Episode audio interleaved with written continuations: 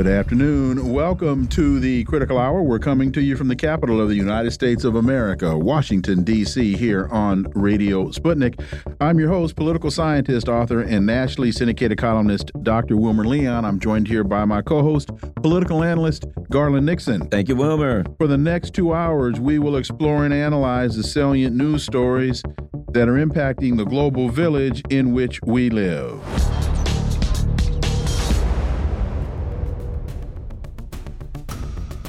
The Washington Post reports UN Security Council to meet again.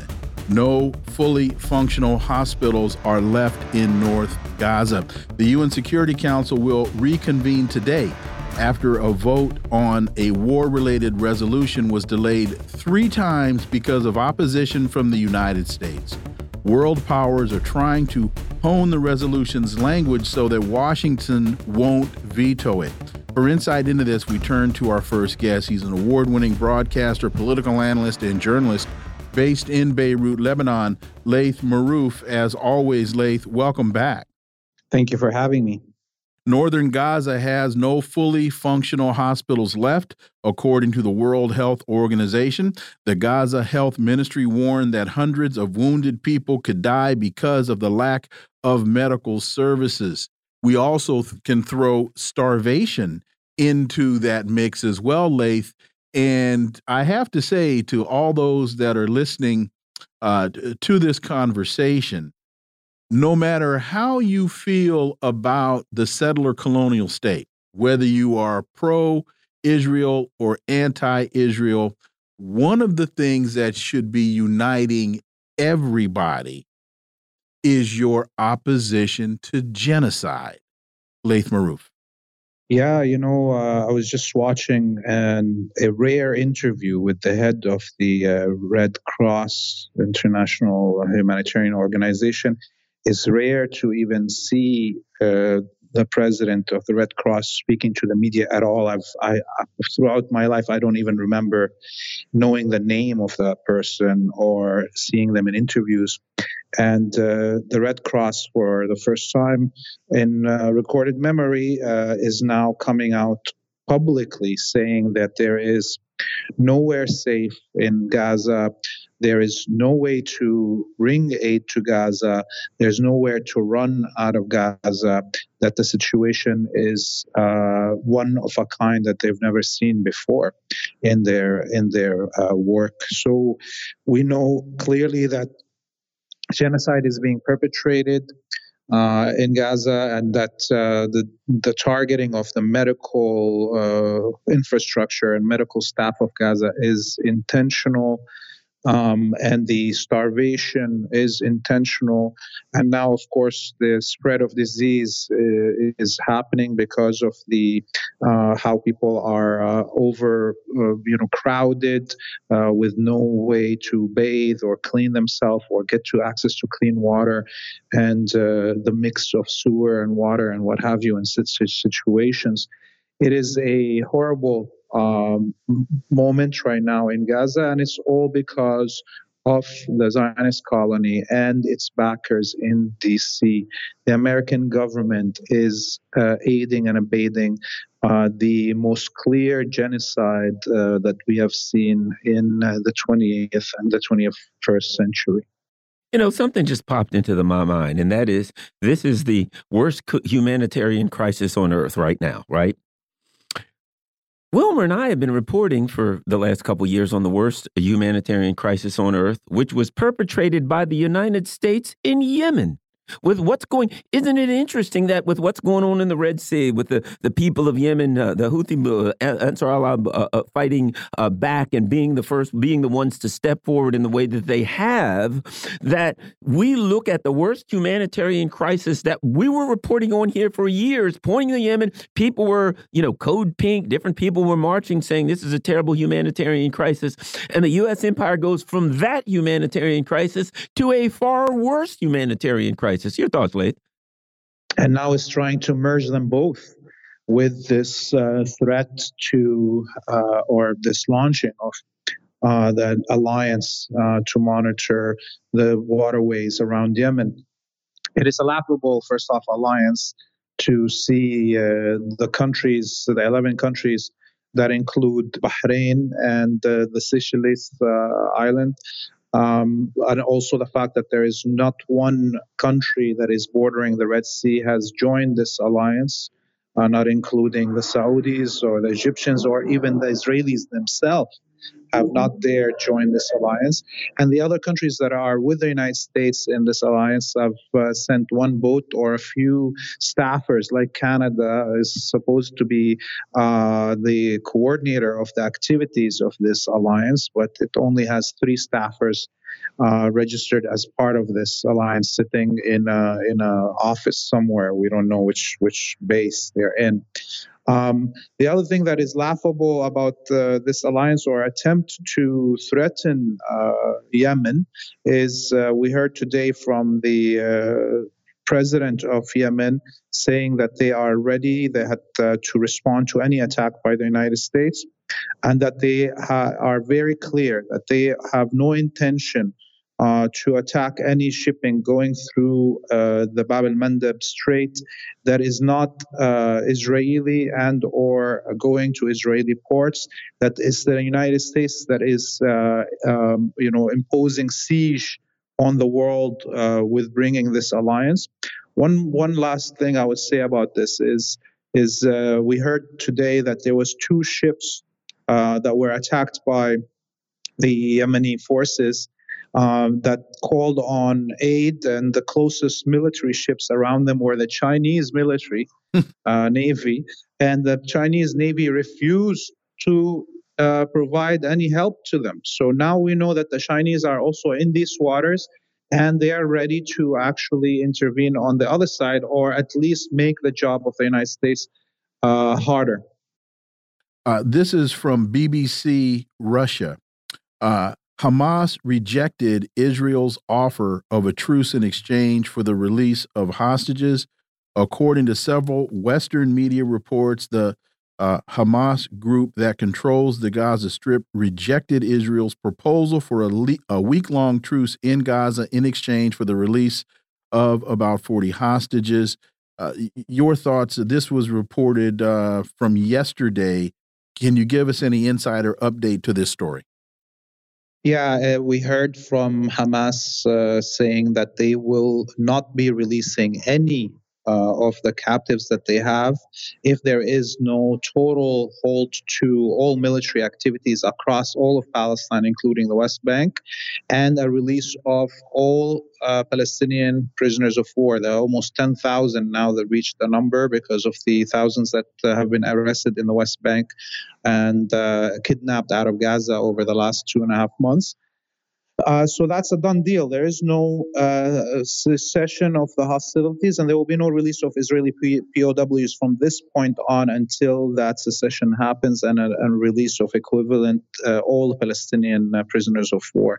One other thing that came out of the statement of Abu Ubaidah, the uh, spokesperson for the uh, Islamic forces in, of, of, Hamas, the military wing, today he indicated that uh, their fighters have been able to destroy 720 armored vehicles uh, that entered Gaza since the beginning of this war.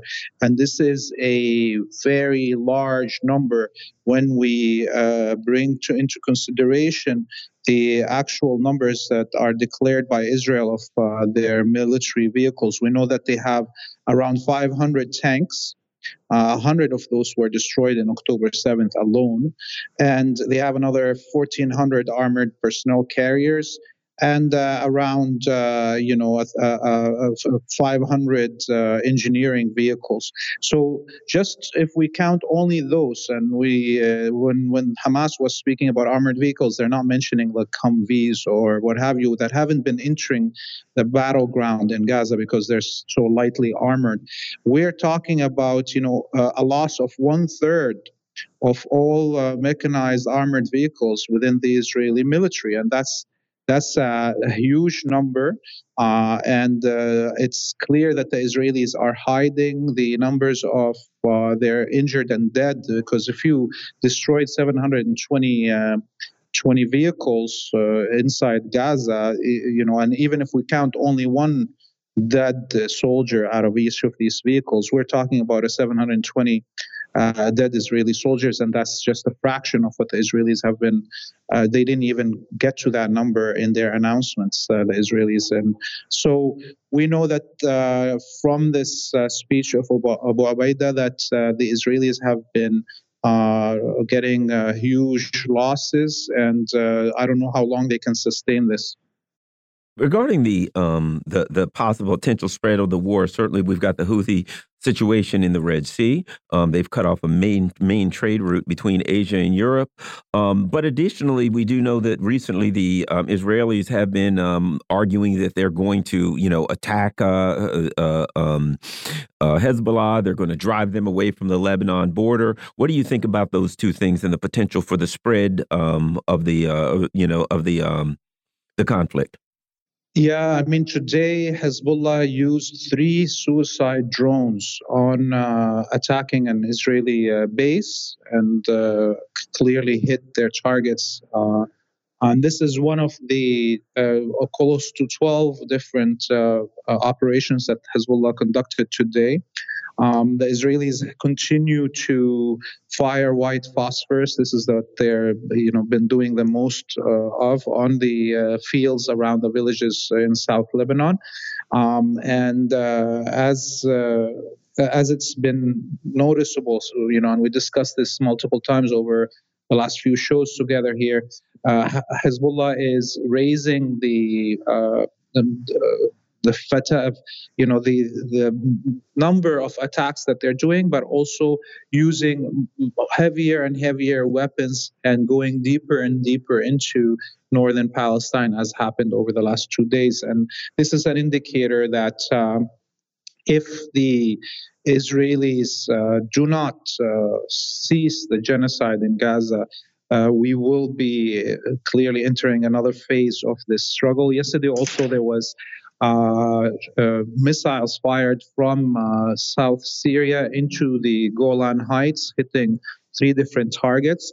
Uh, and that's again, you know, remember we spoke about this. The Golan Height has been the quietest of the fronts, uh, but now it's an indicator that things are going to get heated up there too. Final question: There's a piece in Mondoweiss, and this isn't really being discussed in Western media. Gas, Gaza, and Western imperialism.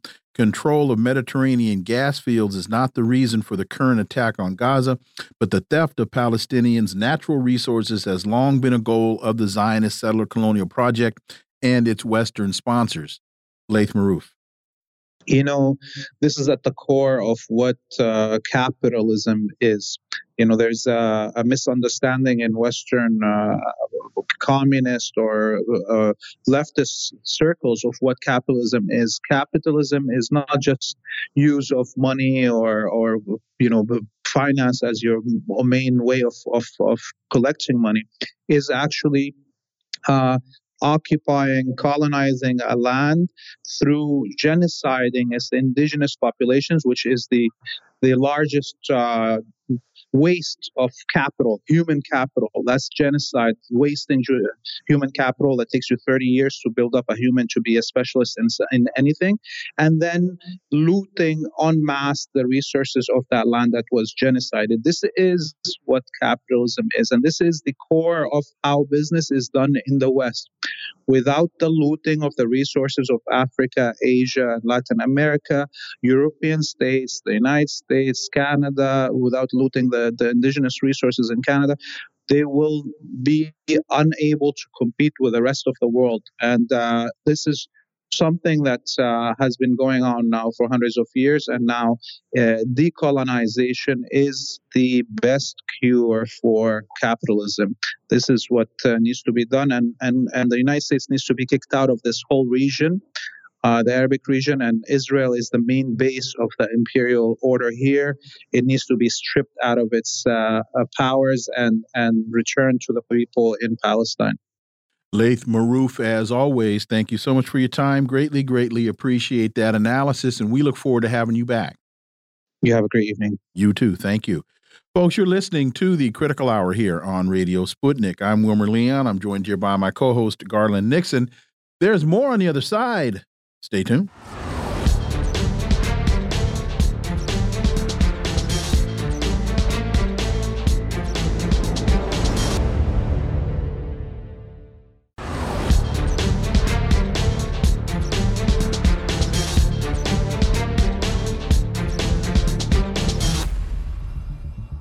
We are back, and you are listening to the Critical Hour on Radio Sputnik. I'm Wilmer Leon, joined here by my co host, Garland Nixon. Thank you, Wilmer.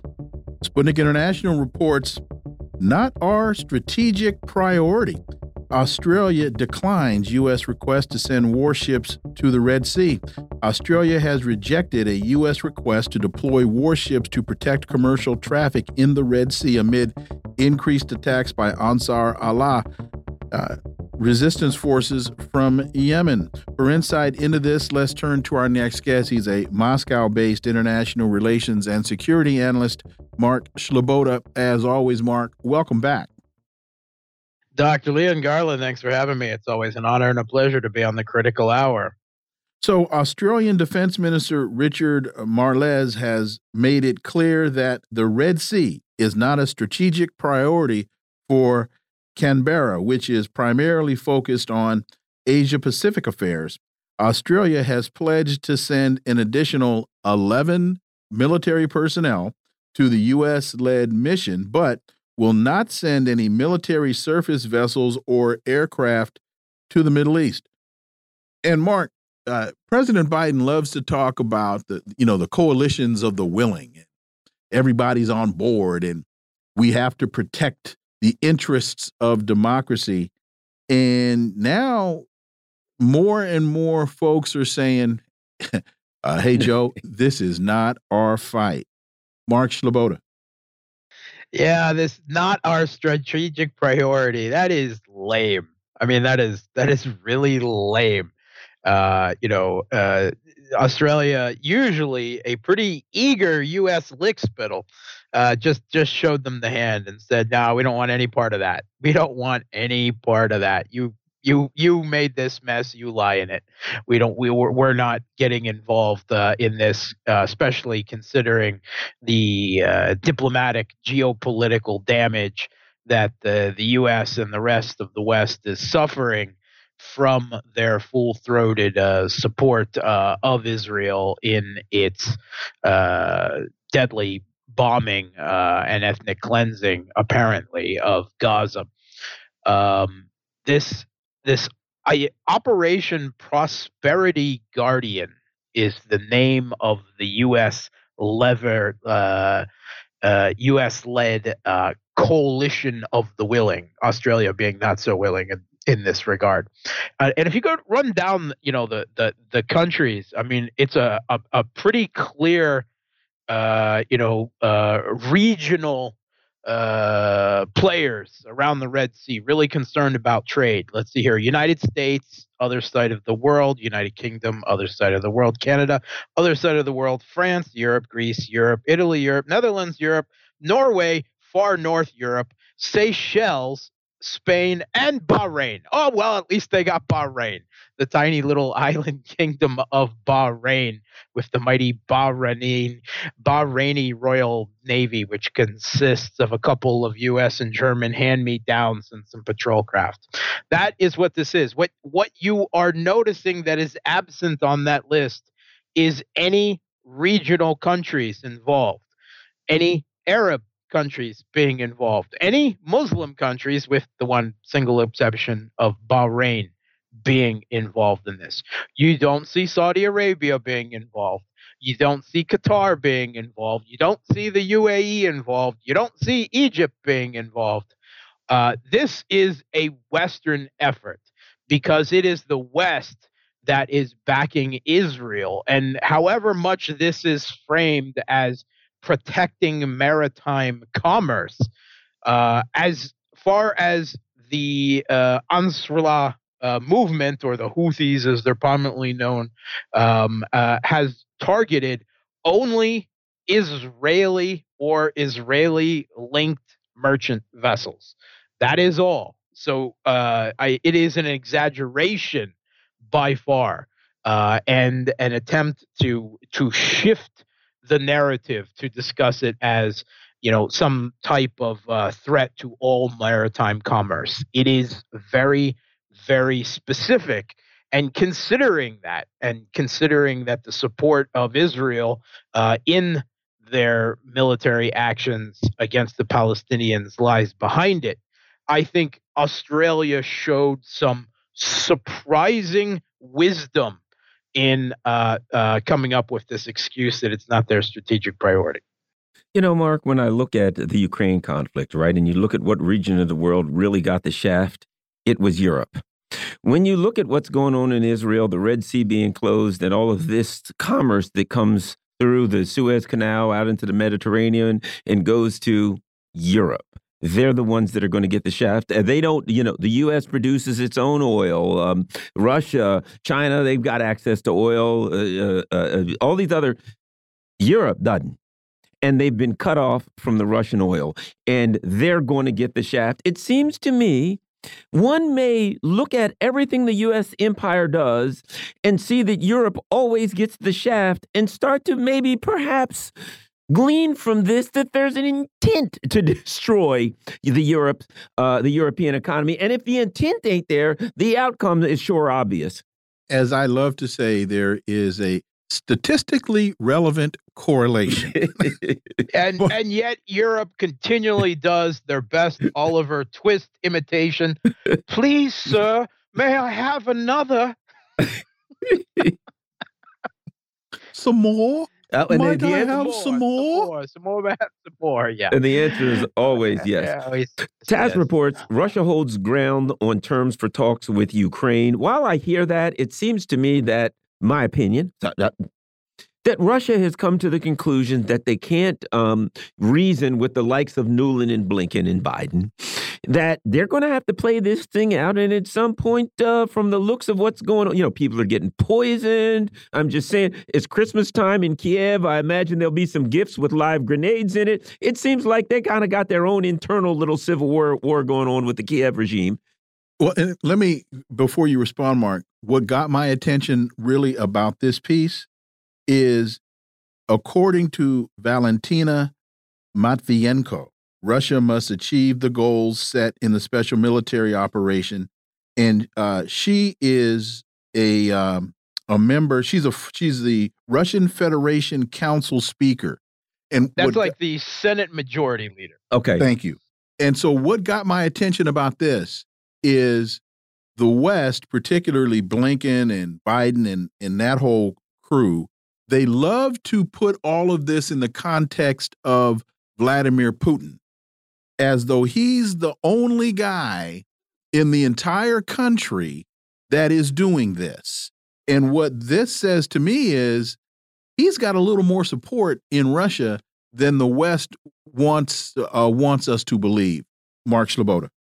Yeah, well, that's the nature of the uh, uh the continual infantile nature of a U.S. foreign policy is to demonize any country that doesn't bandwagon with them as as solely the person of some leader that they demonize. I mean, this has always been the same, whether it's uh, you know Gaddafi, Saddam Hussein, uh, Putin, Kim Jong Un, um, you know, it, it, it, it's it's pretty. It, with Iran, it's more collective because there's not just they say the mullahs, right? You mm-hmm. know, it's it's a standard infantile demonization uh, tactics of the U.S. But certainly, uh, Valentina Matvienko uh, is a a prominent Russian uh, politician, uh, and we can assume that she speaks with the weight of of the Russian Federation Council, the the uh, Senate, if you will, um, behind her, and uh, she reiterates again that the terms of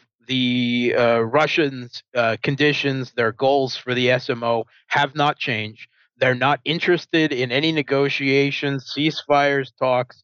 We've seen the U.S.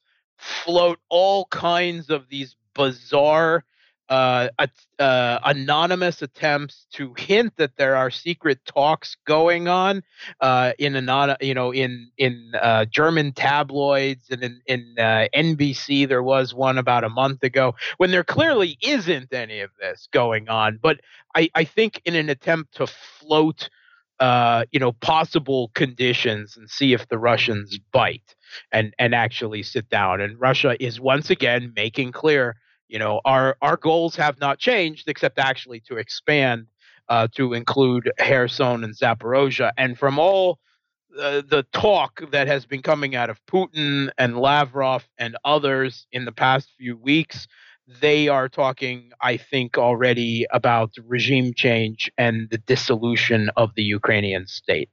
Putin is angry.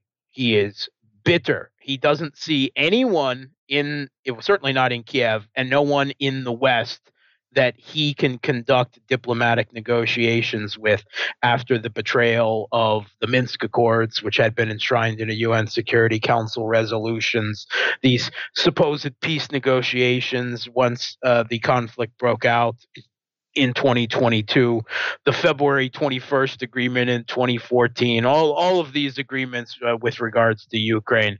Uh, he's it's it's just been literally they've been playing Lucy to his Charlie Brown, pulling the football on Putin again and again and again. And unlike Charlie Brown, I don't think Putin's going up to kick that football anymore. Uh, so when you talk about the dissolution of the Ukrainian state, I, I know what that means but explain what that means. Uh, that means uh, the, the, partition. That first of all, it means an unconditional surrender, a a um, uh, removing the regime in Kiev, and then uh, most likely Russia will hold referendums in the uh, historically Russian, Russian-speaking, uh, Russian-leaning areas of Ukraine, which is pretty much you know everything east and south of the Dnieper. And then uh, there will be some type of settlement with regards to uh, perhaps the area around Kiev and and West Ukraine. And and just in the last week, Putin was again making public comments uh, about how these areas of West Ukraine, up until 1939, you know, they were part of, you know, up until the World War II era at least, they were part of Hungary or Poland um, uh, Slovakia, you know, other neighboring countries and he appeared to be suggesting that, well, you know, uh, we have no interest in in that rump part of of of Ukraine once we remove the regime in Kiev and and uh, take back uh, what we don't want you to weaponize against us. Um, and uh, you know what what you do with the rest of it is up to you. Well, I would say this about Poland for a number of reasons, not the least of which being the Banderites, but the other being if you add all that farmland to Poland, ain't going to work out real well for the Polish farmers. They think they're upset now, Mark. Yeah, um, that would open a whole other domestic can of worms uh, for Poland, and you know, the I think there is a lot of historical specters that were basically buried beneath mutual hatred of Russia between West Ukraine and Poland. They've started to surface a little bit recently, uh, but if Poland actually you know, sent troops to occupy parts of West Ukraine uh, that it had once held, uh, then I, I think you would see a, a, a resurgence of Banderism in its more expansive form, historical form, and, and a return to historical memory, uh, which really wasn't so very long ago in the region. So just really quickly, so when you look then at at Belarus, when you look at Poland, Slovakia, Hungary, the countries that border Ukraine, if there if there was a surrender, then yes. how do how do they react to what I guess would be considered an expansion of Russia balanced against the interests of the United States or NATO? Yeah, that's the big question because certainly it would ruin all of the US's narratives. They will almost certainly declare some shadow government, whether in Lvov uh, or you know uh, in Europe or the U.S. that they will recognize as the only legitimate government of all of Ukraine. We've been down this road before, right? The U.S. has shadow governments by the dozens you know, outside Langley, uh, you know, just waiting to be eh, called up and, and put into service. Um, and that will be played against, uh, you know, shall we say, uh, nationalism in more conservative East European countries like Poland and Hungary uh, and Slovakia uh, that, you know, they'll have to compete against those interests. Ultimately, I think the U.S. would hold sway and uh, you know while Poland may send troops in, they won't like formally annex or seek to reunify with their historical regions. But I could be wrong. I mean, the the nationalist sentiment is a powerful one. That is sure. Uh, there there is a call to blood and uh, land and historical memory. So uh, we'll have to see. Um, certainly uh, in Transcarpathia and southwest Ukraine, the traditional Hungarian ethnic minority in the area, they are not happy with the Kiev regime. They they never were with West Ukrainian politics. They actually, as a minority people in Ukraine, always voted with the pro-Russian East uh, in elections and and uh, you know social polling, and uh, they in particular would really like to get back to Hungary. So you know who knows. Well, let me quickly say that, uh, Mark, I've never known you to be wrong there was one instance where I thought oh, you no, were no, wrong. no, That's I've been wrong a few times. No, I, there was one instance where I thought you were wrong, but found out you were merely mistaken. Mark Ah, Sleboda, as always, thank you so much for your time. Greatly appreciate it. We look forward to having you back. Thanks for having me. Folks, you're listening to the Critical Hour on Radio Sputnik. I'm Wilmer Leon. I'm joined here by my co host, Garland Nixon. There's more on the other side. Stay tuned.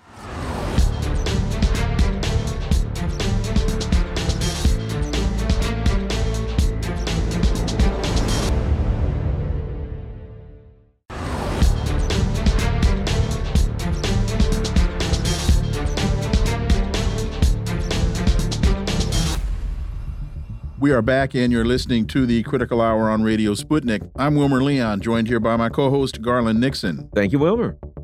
MR Online has a piece entitled Why Latin America and the Caribbean Stand with Palestine Israel Viewed as U.S. Proxy. The countries of Latin America and the Caribbean, with a few notable exceptions, have been critical of Israel's ongoing campaign of genocide in Gaza. Perhaps more than any other region, they have expressed their solidarity with Palestine. Most recognize that the partnership between U.S. imperialism and Israeli Zionism applies not only to Palestine, but also to Israel's role as supportive of U.S. Uh, domination in this hemisphere.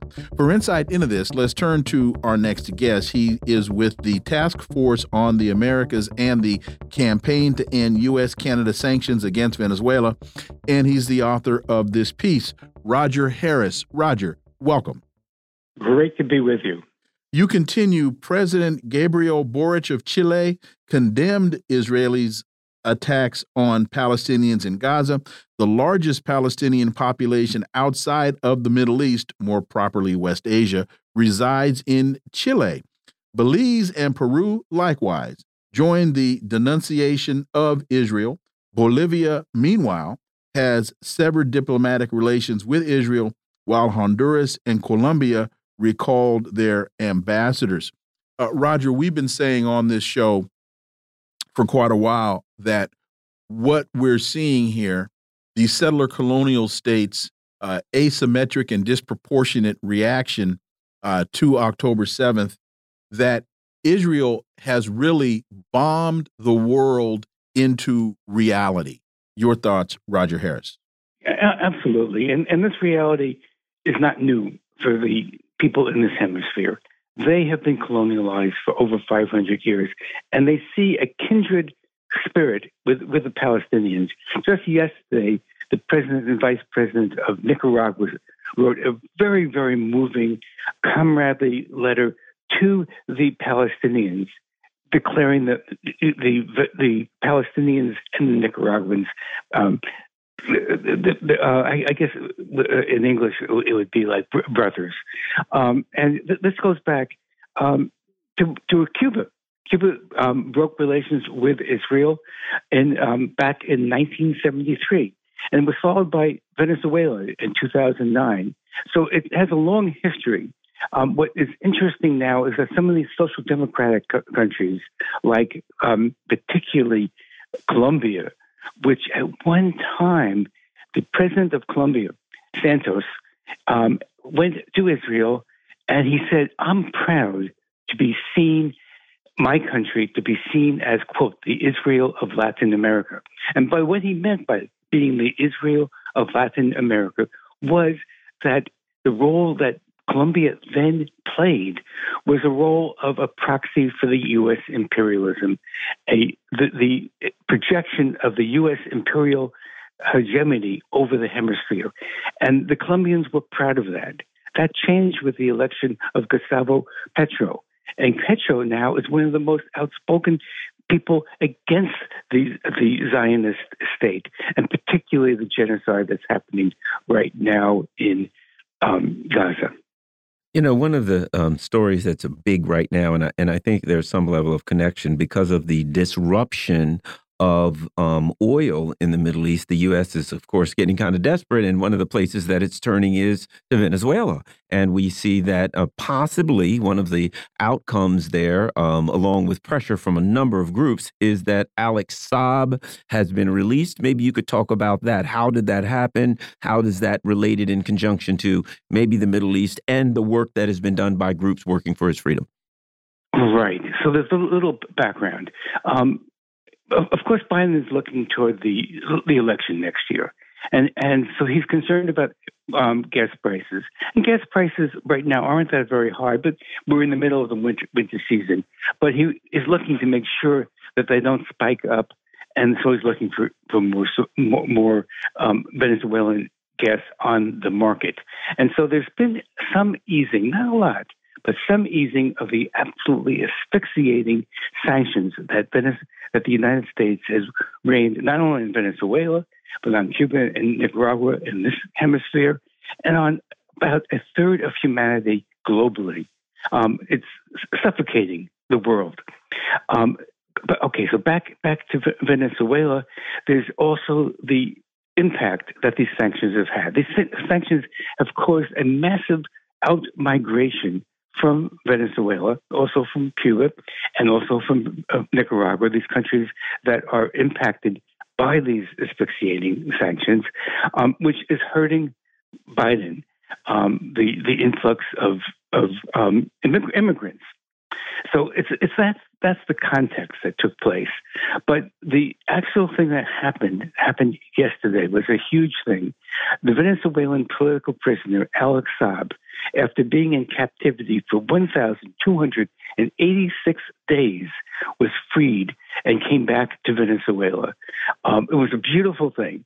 And it was one of those um, things that was like every moment you were wondering whether it was going to happen or not happen. But it finally happened. He landed in Caracas yesterday, actually in the airport outside of Caracas. He was he was greeted by his wife, his young children, his friends and family, and most significantly by the vice pres by the excuse me the um, premier com, um, com, com, I'm, I'm getting um, caught up with by baby Spanish. The um, the the the, um, wife of, of President Maduro, and um, they then went to the presidential palace and they met with Maduro, and it was a very emotional thing um, to, to, to see this happen um, because. Um, and Maduro said one of the most emotional things he did say was that while Alex Saab was in captivity.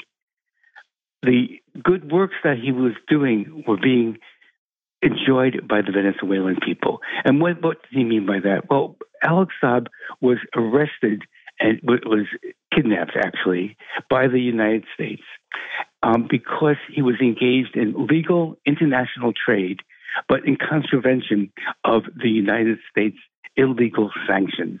And he was bringing food, medicine, and fuel back to Venezuela.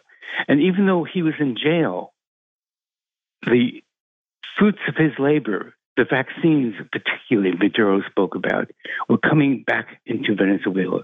The fuel, when there was fuel shortages, the food for people that were starving. And when, when Maduro mentioned that, um, there's a, a there's a, um, a, fairly viral now video of that um, that's that's on on the web, and you could see right behind um, Saab, the freed political prisoner, there is a high-ranking general, and when Maduro said, "Well, you um, Alex Saab was in prison. The Venezuelan people still got vaccines." The, the general broke down and cried. Um, that was how big this moment was. It, it, was a great victory for Venezuelan diplomacy and for everybody who's struggling against U.S. sanctions. In fact, Roger, that's exactly the next point I wanted you to elaborate on the demonstration of the victory for Venezuelan diplomacy, because all of the stories, or most of the stories that I've read about this, are stating that the United States negotiated directly with Venezuela. There were no intermediaries here. And, you know, Juan Guaido wasn't involved. and so uh, th this to, so this demonstrated to me a, a couple of things. One, that uh, President Maduro is recognized and respected internationally to a much greater level than the West wants to admit, that he is a much savvier politician than the United States wants to give him credit for. And I will reiterate Juan Guaido wasn't involved in these conversations. Roger. Absolutely. Um, and that has a, a, big bearing on on this uh, case because, as as you inferred, the United States does not recognize Venezuela. It's one of the very few countries. It's only a handful of countries that recognize that does not recognize the Venezuelan government. It's kind of ridiculous.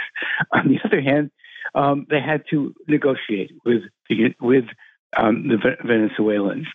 So this was a victory for Maduro. It was a victory uh, for, in many respects, not just for Maduro, but for the Venezuelan nation, because the entire nation was behind their national hero, Alex Saab. So it was a victory for them. It was also a victory for the international movement, an international movement um, that organized in support of freeing Alex Saab. And it was also a victory for um, the family, and and this is the, the, the backstory there is remarkable um, because the family of Alex Saab not only was he in prison, but the family was targeted um, by by the United States, and um, his young wife. Um, a, a, woman who's less than 20 years, uh, 30 years old, with two very young children. She was initially um, Camila Fabri de, de, Saab. She was initially devastated. Of course, she would be devastated by her husband being sent into jail, being tortured under terrible conditions. Her husband um, has cancer, um, his medical condition is very bad. She was devastated, but she rose to the occasion. And despite the fact that um, that her family was targeted, her, her parents who live in, in um, um, Italy were targeted, um, and everything else. She became um, actual national and then international leader and, and united the, the campaign and the legal battle for Alex Saab. And so it was a victory for her and for her family. And we also have to really recognize the real importance of uh, Mr. Saab himself. Alex Saab was absolutely resolute. Interesting background. So Alex Saab is um, Palestinian background. He was um, f- from Colombia and became a Venezuelan citizen. And when um, President Nicolas Maduro um, had the welcoming speech. There was a few times when he spoke to about uh, Nicholas about Alex Saab and said, "You know something, um, you have this Palestinian background, and that's a strength because the Palestinians know how to resist, and Saab absolutely knew how to mm-hmm. resist. Mm-hmm. This this is the I mean, because he was the key person. He unlike most political prisoners, he had a get out of jail free card that he could have played at any Right. time. And he any did. time that he was being being tortured, any time when he was vomiting blood and and uh, and was refused medical att- attention, but he always stood strong and resolute. And so it, the, the combination of the resoluteness of Alex Saab, hmm the support of a nation m- mobilized behind him, an international campaign, and a leadership of his own family, and particularly his wife, Camila Fabri de Saab.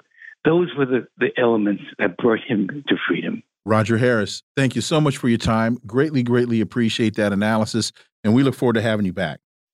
Absolutely. Good to talk, talk with you. So long. Folks, you're listening to the Critical Hour on Radio Sputnik. I'm Wilmer Leon, joined here by my co host, Garland Nixon. There's more on the other side. Stay tuned.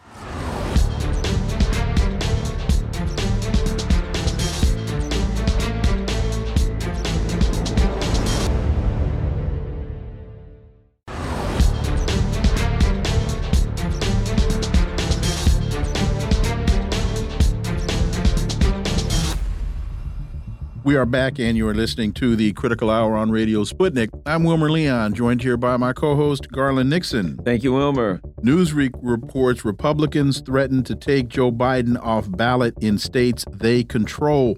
Republicans are calling for President Biden to be removed from state presidential ballots following a Colorado court ruling that Donald Trump is not permitted to be on its ballot next year. For insight into this, let's turn to our next guest. She's an independent American journalist and RT correspondent, Rachel Blevins. Rachel, welcome back. Thank you for having me. So, since two courts have found that Trump engaged in insurrection over his behavior during the riot at the U.S. Capitol on January 6th, some Republicans have said Biden as well should be removed from state ballots, though it's not clear on what constitutional grounds they would be looking to do this. Rachel Blevins. Yeah, this seems to be going nowhere good fast, doesn't it? It's almost like the back and forth over impeachment has now become the back and forth over who is going to appear on what ballot and how that is going to influence everything. I think it's notable, though, when you look at sort of this back and forth and you see the Republicans who are now, you know, speaking out and saying that they support Trump, many of them, especially his other competitors in the GOP, I guess if you want to call them that, since their polling numbers haven't been too high, but many of those who are now speaking out, they're also thinking about themselves here, right? They're thinking at this from a perspective of if Trump is taken off all of the ballots, if the Supreme Court comes in and rules on this and says, nope, he's not allowed to be there, then they're kind of hoping that they can get some support from the Americans who are outraged by this decision to say, yeah, I know it's so terrible that Trump got taken off, but here I am. Now you can vote for Vivek Ramaswamy or Nikki Haley or whoever else is throwing their hat in the ring. Now, it is concerning when you have this back and forth with, you know, multiple Democratic controlled states looking at taking Trump off and then multiple Republican controlled states saying, okay, we're going to turn this into a tit for tat because at the end of the day, everything that they're doing sets a precedent. And that precedent, as we've seen with the US government, just about everything they do, has the power to be used and abused moving forward. And it puts us in a position where we, as the American people, have even less of a say in who these politicians and these US officials are and become in the future. Well, uh, to me, it looks like the rot of the empire. You know, I mean, when I look at a country, any country, let's say it's not America, and we see the person who is leading in the polls for the next election, and they got over 90 I mean they the only, I can't think of anything they haven't charged Donald Trump with. Everything possible has been charged. In fact you have a person who charged Donald Trump in New York who literally ran on a platform that says elect me and I'm charging Donald Trump right? Yeah. they got elected and they charged Donald Trump right? Well, that's called uh, sticking to your there you go. exactly. so now you got to add all this together. So Unlike Joe now they say, so Donald Trump's not even going to be able on the ballot. I don't care if you want to vote for him, you can. And by the way, we got to add this. Now the Democrats have said in Massachusetts, in North Carolina, in Florida, And in Tennessee, if you're a Democrat and you want to vote for somebody else in the primaries other than Joe Biden, forget it. Joe Biden will be the only name on the ballot. At the same time, they're saying literally, we think Venezuela needs to have a fair election process. I, you can't make this kind of stuff up, uh, Rachel. You really can't at this point. It just keeps getting more ridiculous. And yeah, you're exactly right in pointing out the fact that, you know, when you have states and when you have a party like the DNC that comes in and that says, nope, you get no choice over who your candidate is. You don't get to watch debates. We don't, we're not even going to pretend to appease you and make it look like maybe it's going to be someone else other than Joe Biden. And maybe we hold a few debates kind of like the RNC is doing where they're like, sure, why not? We're going to get viewers, ratings, all that good stuff. No, the DNC is not doing that because they know that Joe Biden, the last place he needs to be is a debate right now. It is not going to help him out. It's not going to get him more support. But yet, everything that they're doing is just adding to the way in which Americans see Joe Biden in a negative light right now, which is they see him as someone who one is from this entitled political class where they get to just be the nominee because they weren't the incumbent and that's it. And they think that they deserve that. And two, they're not happy with him in a number of ways. They're worried about his age and his mental capacity. They're not happy with his economic policies. Younger Americans certainly are not happy with the fact that he ran on this promise of student loan forgiveness and then didn't really deliver. I know he tried at least a little bit, but he did not deliver on that campaign promise, at least. And on top of that, they're also unhappy with his foreign policy. You've got a lot of Americans waking up to this going, well, wait a second. They're just figuring out that they have to pay so much of their paycheck now that they're getting to that point, getting a job working. They're giving a big chunk of their paycheck to the government. And then they're going, oh, wait, my tax dollars are being used to kill kids in Gaza. This isn't right. This isn't what I want to be using my money for. And then they're also realizing that you don't really get much of a choice in the matter when it comes to that. So you have this growing frustration with Joe Biden. And you're right, when it comes to the empire, this is how empires crumble because you get a political ruling class that gets so full of itself that it no longer represents the people that it is literally supposed to represent. And the people will put up with that, but only for so long. And in just a couple of minutes we have left, uh, Marianne Williamson claims primaries are rigged, accuses four states of bias towards Biden, as Garland was articulating. And we don't have to go even too far back in history to know that they did this uh, relative to Hillary Clinton and Bernie Sanders, and that this is what, well, this is one of the revelations that we got through WikiLeaks, and this is what the Democrats do. Yeah, yeah, exactly. And I think that Americans need to ask themselves the question why Hillary Clinton? Why Joe Biden? Why go through so much. Instead of putting up a candidate who Americans will actually get out and vote for and putting up a candidate who will beat someone like Donald Trump, why are they sticking to the old establishment candidates and why are they continuing that focus on basically shoving a candidate down the throats of the American people saying no this is who you're voting for. Not hey let's you know pick and choose as you're supposed to as we here in this country that you know we preach about freedom and democracy to the rest of the world and yet now we're in a position where we're not getting any of that here at home. And it's coming at a time when the American people are just struggling to get by, struggling to pay their bills, struggling with the prices at the grocery store. And that is the worst possible scenario, right? If if prices were low and jobs were great and everything was good and rosy, many Americans would just say, nah, okay, whatever, I don't care. Donald Trump, Joe Biden, doesn't matter who's in the White House. But when you are in a position when you are struggling and then you look to Washington and you say, oh, these are the people we're being told they're going to support us, well, then what you're setting up for is social unrest. And to a certain extent, the political class wants to see that, but not so much that it actually presents a challenge to them. I do have a theory, Rachel, and that is this.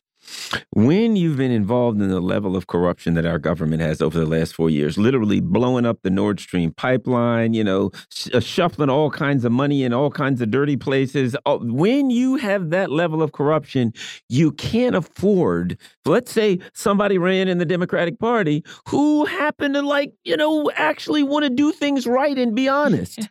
And they were to get and they were to get the uh, get in office and they started turning over rocks they'd be like holy moly we violated every law known to humankind they can't afford to have an honest person in power because of the level of corruption we got about a, a, a minute or so yeah, I, you're absolutely right on that one. And that teaches a very big lesson to the American people when they look at this and they realize, oh, wait a second, if you want someone who would actually follow through on their campaign promises, not just say what they think that the American people want to hear, but to follow through on that, then that would mean the end of this building empire that we've seen for so long. And the fact that they have gone so far away from honesty, transparency, and accountability tells you everything that you need to know about the ruling class in this country and who their loyalty is to. And it's not the American people. The fundamental question that people will ask themselves when they go into the pull the lever is Is my life better today than it was yesterday? And unfortunately, the answer is not yes. Rachel Blevins, thank you so much for your time. As always, greatly, greatly appreciate that analysis. We look forward to having you back. Thank you, guys. Folks, you're listening to the Critical Hour on Radio Sputnik. I'm Wilmer Leon. I'm joined here by my co host, Garland Nixon. And believe it, Believe it, there's another hour on the other side. Stay tuned.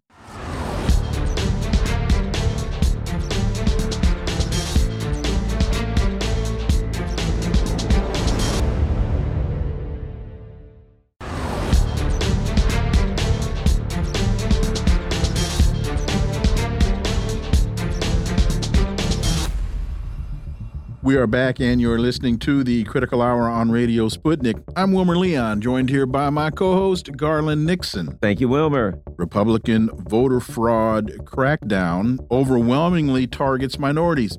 Democrats, black, and Hispanic people made up more than 75% of defendants, and Democrats nearly 60% in a controversial push by Republicans to prosecute election cheating, according to a first of its kind analysis by the Washington Post. For insight into this, let's turn to our next guest. He's an attorney and voting rights activist, Attorney Daryl Jones. As always, welcome back. Uh, thank you. Thank you, guys. It's such, such a great time to be back such an interesting time to be back. And uh, I, tell you, the holiday season may be here, but from looking from the looks of things politically, the Grinch is definitely around.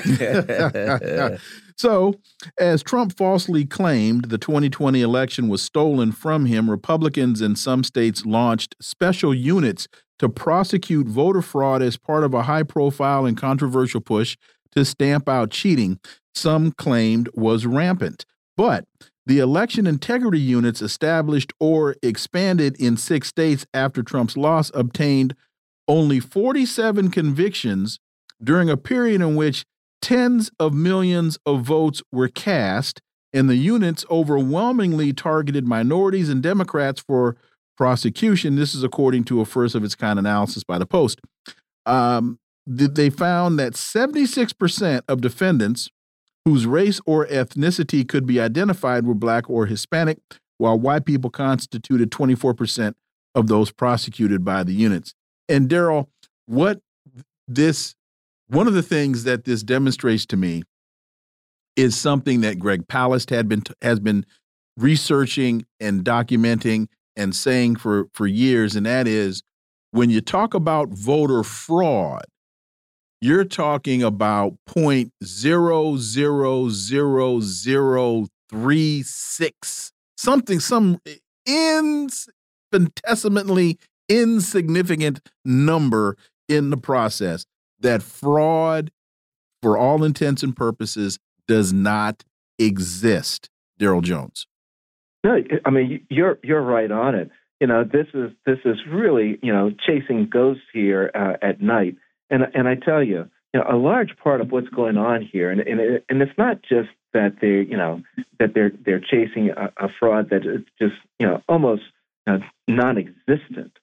But there's a deeper piece that's at work here. There's a there's a deeper policy. There's a deeper strategy that's actually at work here, and it's best illustrated and understood when you study the state of Florida.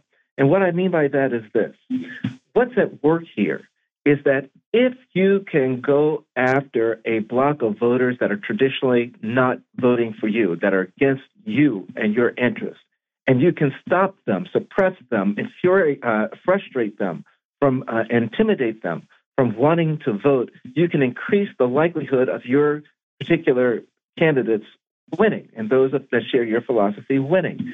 That's what you see happening in states like Texas, states like Florida. Uh, that's what's going on here. And let's let's take it deeper. Let's go deeper into this dive, right? Because what's happening in these states, and, they, and they're focusing on Black, Latino, and young voters for the most part, but Black and Latino voters in particular, is that uh, what they want to do is they want to intimidate you.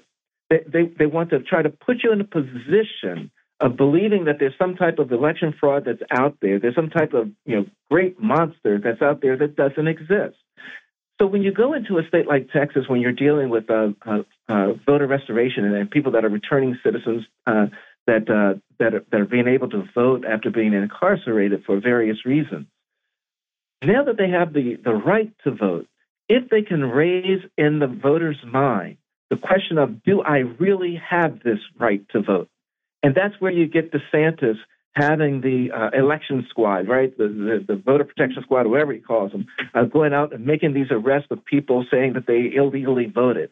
And as it you know bears through the system, you find out that you know most of it is, is junk stuff, uh, stuff that really doesn't exist. Most of the cases fall through the cracks.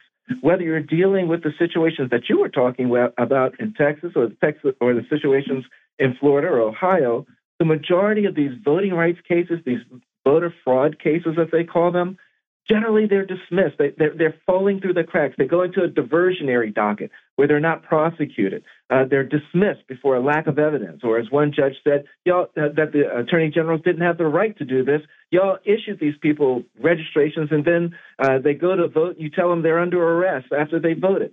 So it, it's all of those actions that create a chilling effect on people that are questionable as to whether or not they have the right to vote. Now, what they end up doing uh, by my estimation, and these, you know, what is it, 140 some odd cases or whatever, when you start breaking all of that down, what you end up finding out is that the majority of them come from like Florida, they, uh, they come out of Texas, uh, they come out of Ohio, some out of Virginia, and, and uh, a few out of Georgia. But when you break them down, they're not prosecuted, they're, they're not really uh, guilty findings that they're getting from the prosecution. And you end up spending all of the state sponsored money rather than spending it on the real needs of the state. In Texas, they spent what? Six and a half million dollars in 33 cases. And what did they get out of it? They got what? 10 convictions. Think about this 10 convictions. It's ridiculous. It's completely ridiculous. So, you know, they're, they're trying to pander to a conservative base to, to try to say that there's some type of super fraud that's going on uh, that isn't there and it's really having a uh, an impact financially on these states. It, it, it's just horrible, man. You know, Daryl, it's interesting because you know I talk with a lot of Republicans as an independent, and they're like complain about the uh, about the voting. There's problems with the voting. The problem, and I say, I agree. There's problems with the voting uh, process and the voting situation in this, in this country and your fingerprints are all over it. You know, I say, look, I, I, I'm straightforward with them. I said, look, how are you going to do everything you can to pass these crazy laws? You can't give somebody a bottle of water while they're standing in line in Georgia voting. You're going to pass laws like this, pass laws deliberately to say you can use your hunting license as a um, as an ID at the poll but you can't use your student ID, knowing that most, a lot of the students from out of state, stuff like that, right? And they're likely to vote in a particular way that the conservatives don't want. So you look at all of the things that they do, these machinations that are clearly they're simply trying to, you know, do what they can to win by any means necessary. And I say it rings hollow to me when you whine about the vote voting problems when you do everything you can in your power to uh, uh to to work in the other direction just so you can win. Daryl. I mean, you're, you're, you're right on point there, Garland. You know, the big thing is this. What we should be doing in the United States is encouraging people to vote and trying to make it as easy as possible for people to vote. Now, if there are people that are breaking the law with regards to voting, you're absolutely right. We should prosecute them. But they are so far in between so when you have legislation such as the legislation that you're speaking of, when you talk about the you know making it illegal to uh, to pass out water uh, or give out food to people that have been waiting in line for hours to vote, you know that's let me first and I should divert for just a second say that was directed at our organization at the Transformative Justice Coalition as well as at Black Voters Matter. We were down in Florida and that's precisely what we were doing. Uh, they had closed polling places in black and brown communities and consolidated them. By consolidating them, what they ended up doing is creating these long lines where people had to wait in, uh, in line hours. And then, in, in addition to closing down polling places, they've reduced the amount of voting machines that were in these places. So the lines were long and you had to wait. So we decided to play some music, got a long line, let's do a line dance. Let's give them music, give them food, give them water, whatever it takes for them to stay in line. Not trying to tell them how to vote, but encouraging them to stay in line to vote.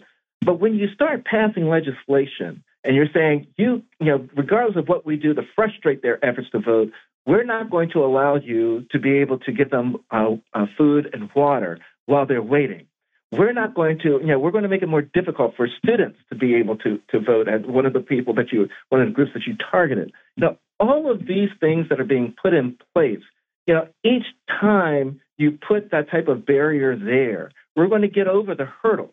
But the big piece is remove the hurdle anyway, because what we need to concentrate on is getting people to the polls and being able to vote and being certain that they're not double voting or, you know, or fraudulently voting, because none of that really exists. It's, it's so incredibly rare. The focus has got to be on getting people to the polls. The reason that some folks don't want people to get to the polls to vote is because they don't hold the majority opinion. That's what the real fight is. So in Georgia, in Florida, those areas that are just prime Texas, that are prime for this type of legislation, you know, they've got to focus on a strategy of having a message that resonates with the people. Then you stop trying to get people to vote, trying to make it more difficult for them to vote. A message that resonates with the people. So you the Republicans have been clamoring since 1972 about abortion. And now they be careful what you vote for because you just might get it. They wanted to turn that issue over to the states. And what they're finding out now, having turned it over to the states, that's a failed effort on their part. Then you have the Republicans who are looking, I'm sorry, you have the Democrats who are looking at Joe Biden's slide in the polls down now to below like 37%.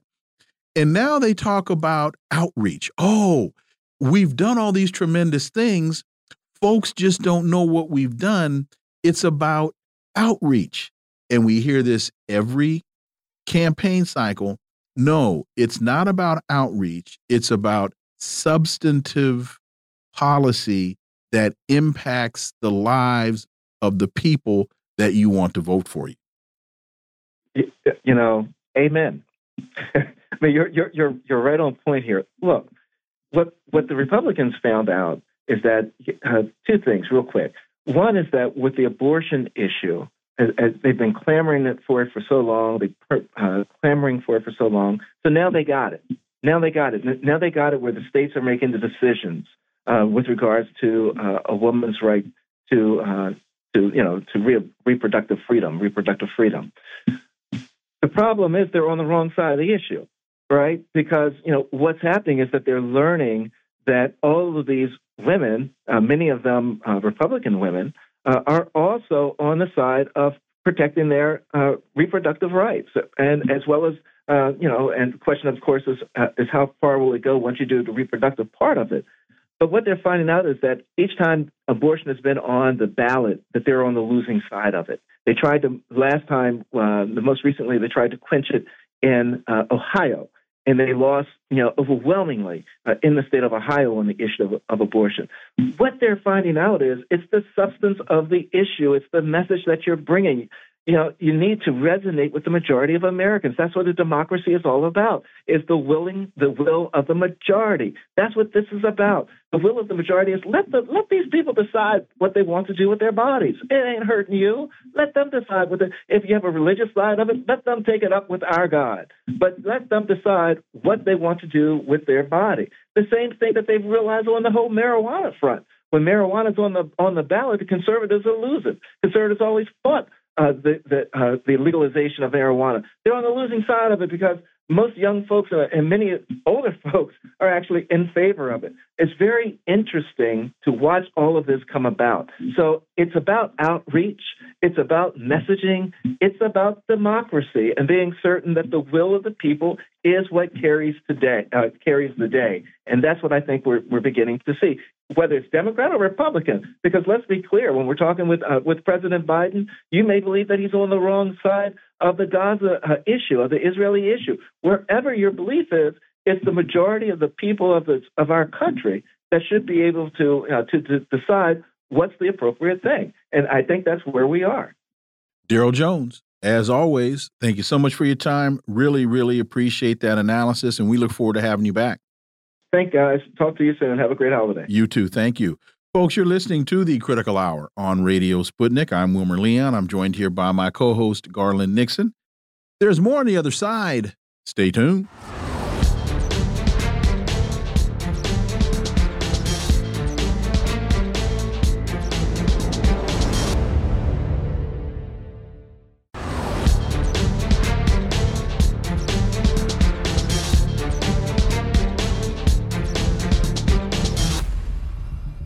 We are back, and you're listening to the Critical Hour on Radio Sputnik. I'm Wilmer Leon, joined here by my co host, Garland Nixon. Thank you, Wilmer.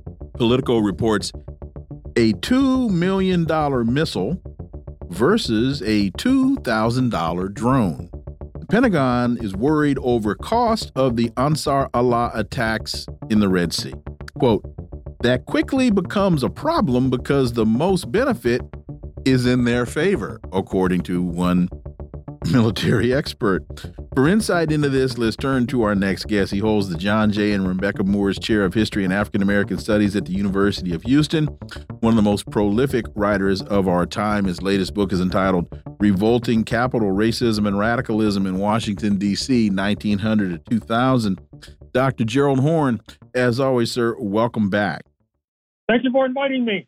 As American warships rack up kills against Houthi drones and missiles in the Red Sea, Pentagon officials are increasingly alarmed not just at the threat to U.S. naval forces and international shipping, but at the growing cost of keeping them safe. And a couple of things, Dr. Horne. One, it's not only Pentagon officials that are increasingly alarmed, it's maritime insurance companies, it's maritime corporations that are concerned about this and this is nothing new or this is this is uh, nothing out of the norm this is what happens in insurgent conflicts um, and guerrilla warfare dr gerald Horne.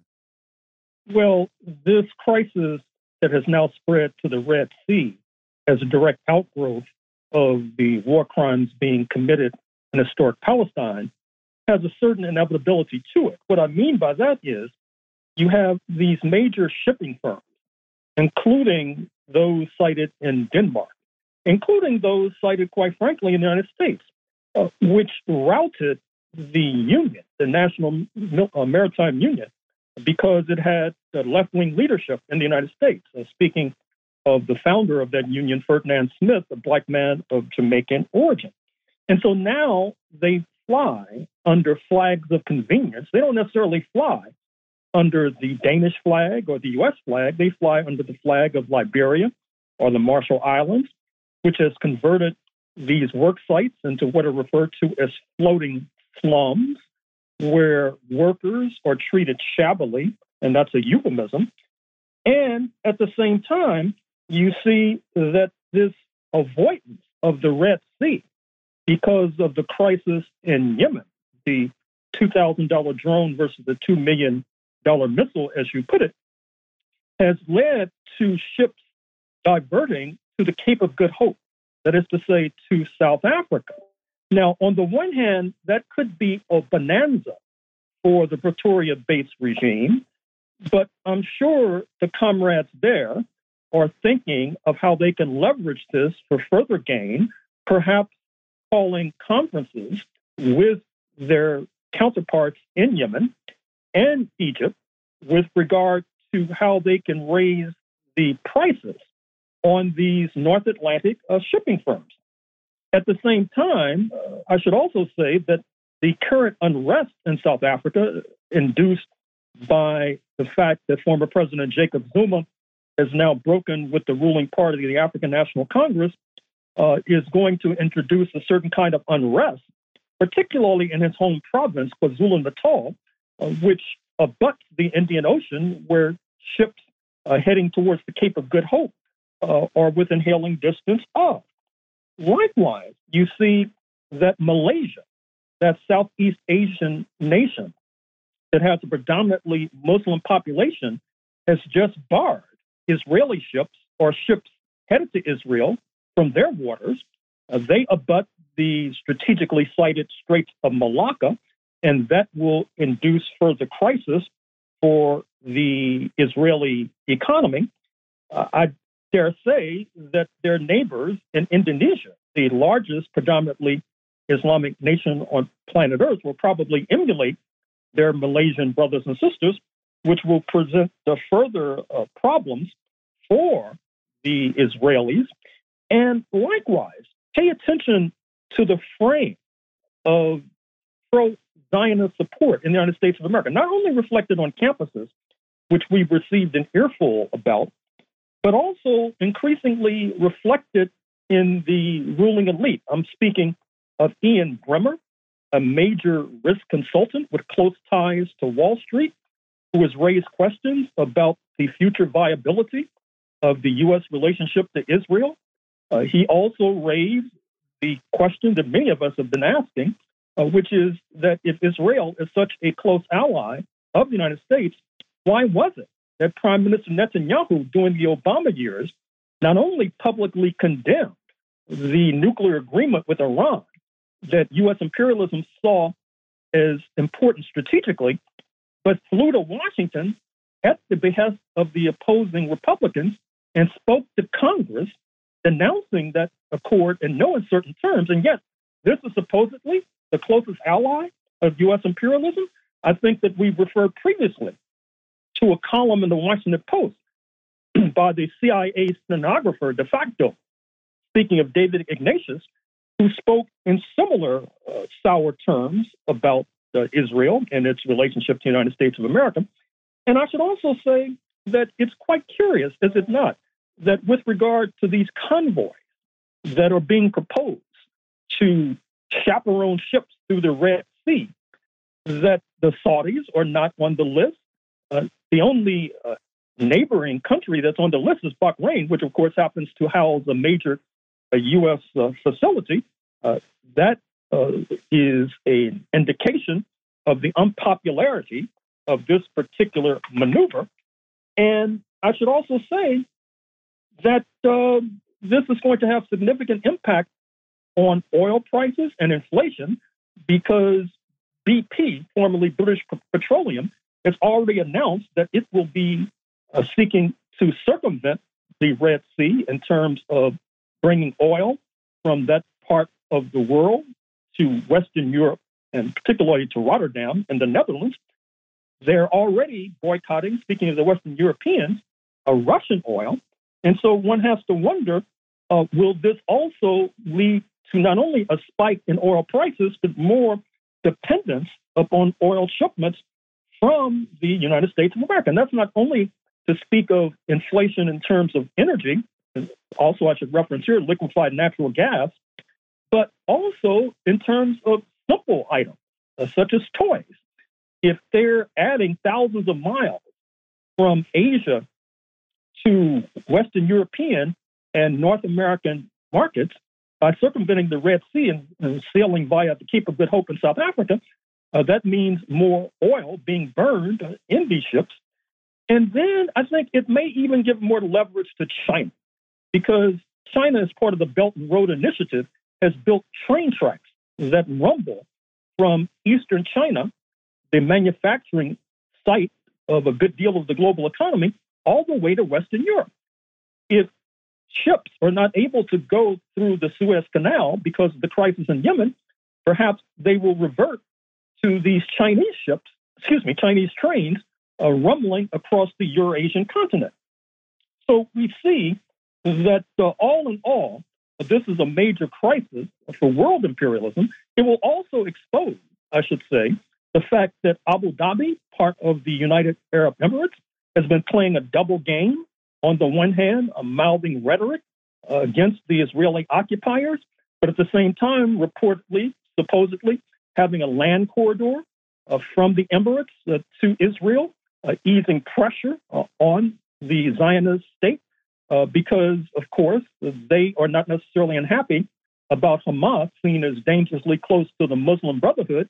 They're not unhappy about them being battered.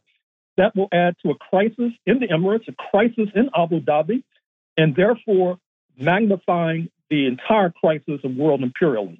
TASS reports North Korea's Kim vows to respond unhesitatingly with nuclear strike if Pyongyang provoked. It seems that Biden and Blinken and the uh, neocons uh, are pretty much trying to find every crisis point they can in the world to set the things on fire. Your thoughts on uh, the uh, what's going on with North Korea?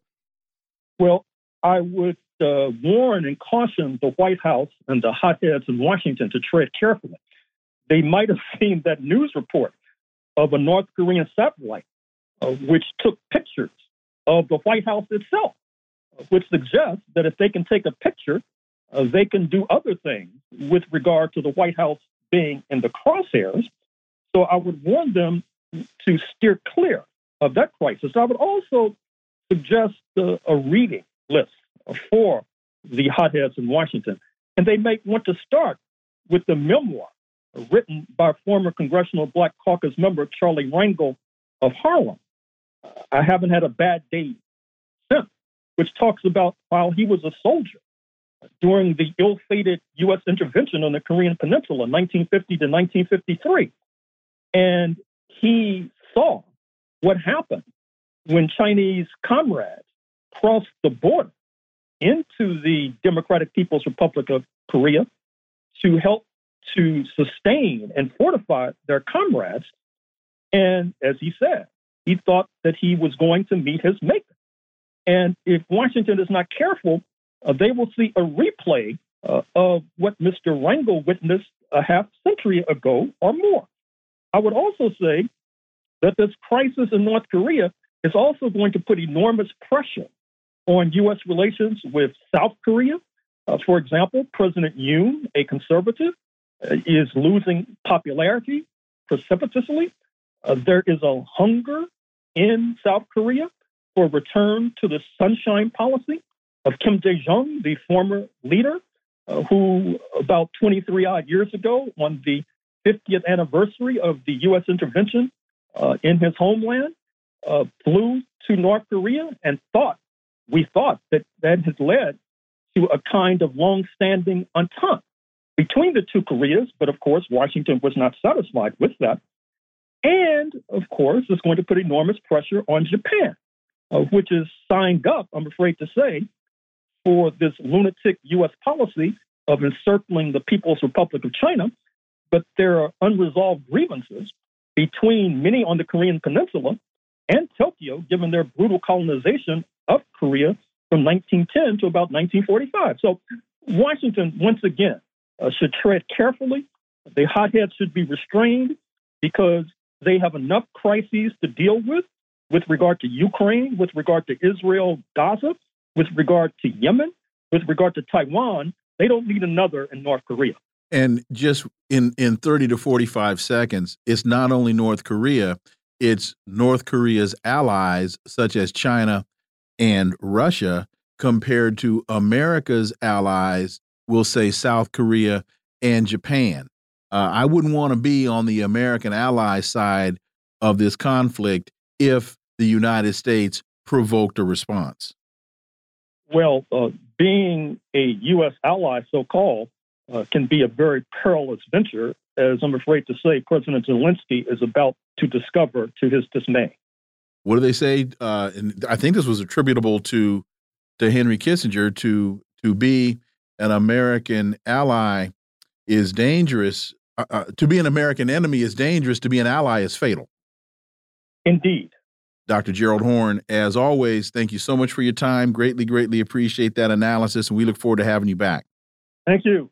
Folks, you're listening to the Critical Hour on Radio Sputnik. I'm Wilmer Leon. I'm joined here by my co host, Garland Nixon. There's more on the other side. Stay tuned.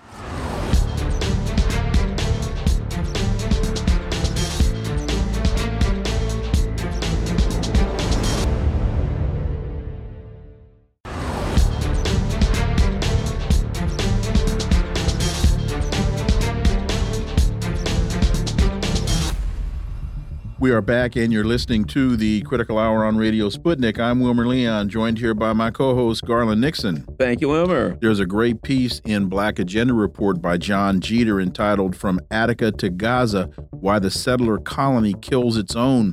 The recent killing of three Israeli hostages in Gaza has elevated questions about the policies of the Zionist settler state and the occupation forces.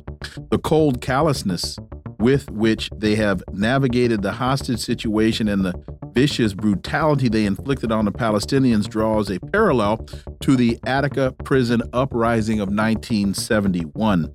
For insight into this, let's turn to our next guest. She's a senior editor and senior columnist at Black Agenda Report and author of Prejudential, Black America, and the Presidents, Margaret Kimberley. As always, Margaret, welcome back.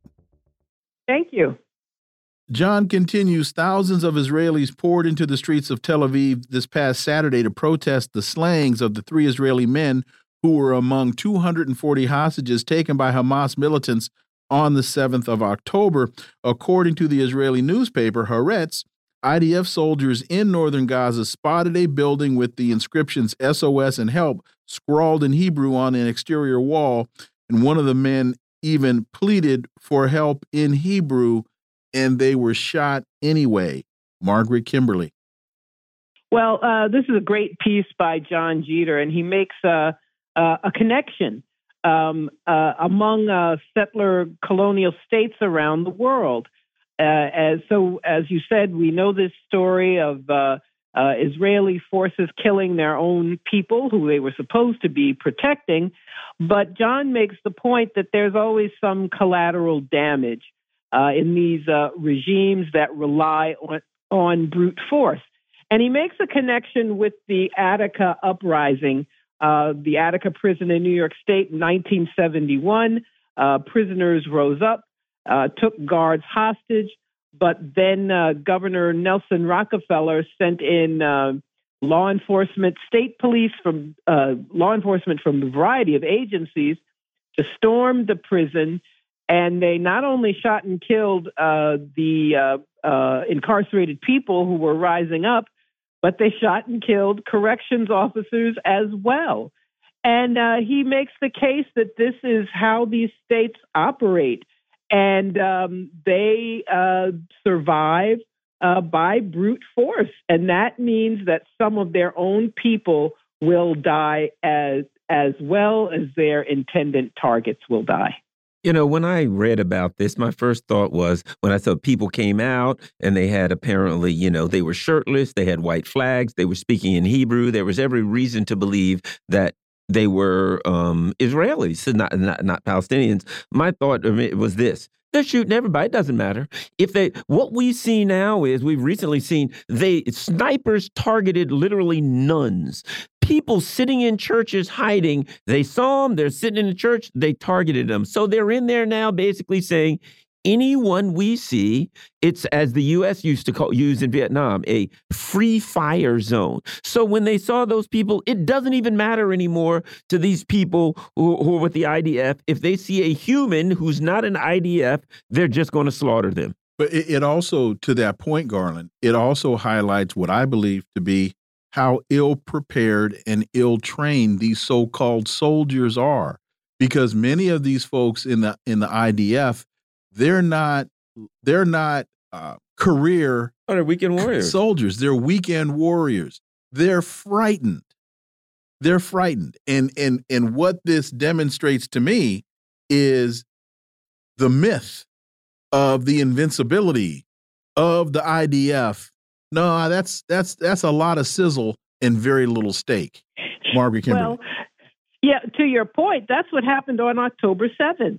I mean, we were fed this propaganda for weeks that uh, Hamas deliberately killed 1,400 people. Then they lowered the number to 1,200. Now they've lowered it again, and it's very clear that most of the people killed, uh, regardless of the number, were killed by the IDF and not by Hamas. These uh, weekend soldiers, as you call them, not knowing what to do, asking a commander, should we fire uh, our tank uh, shells into that house? And they were told, yes, go ahead, shoot everybody.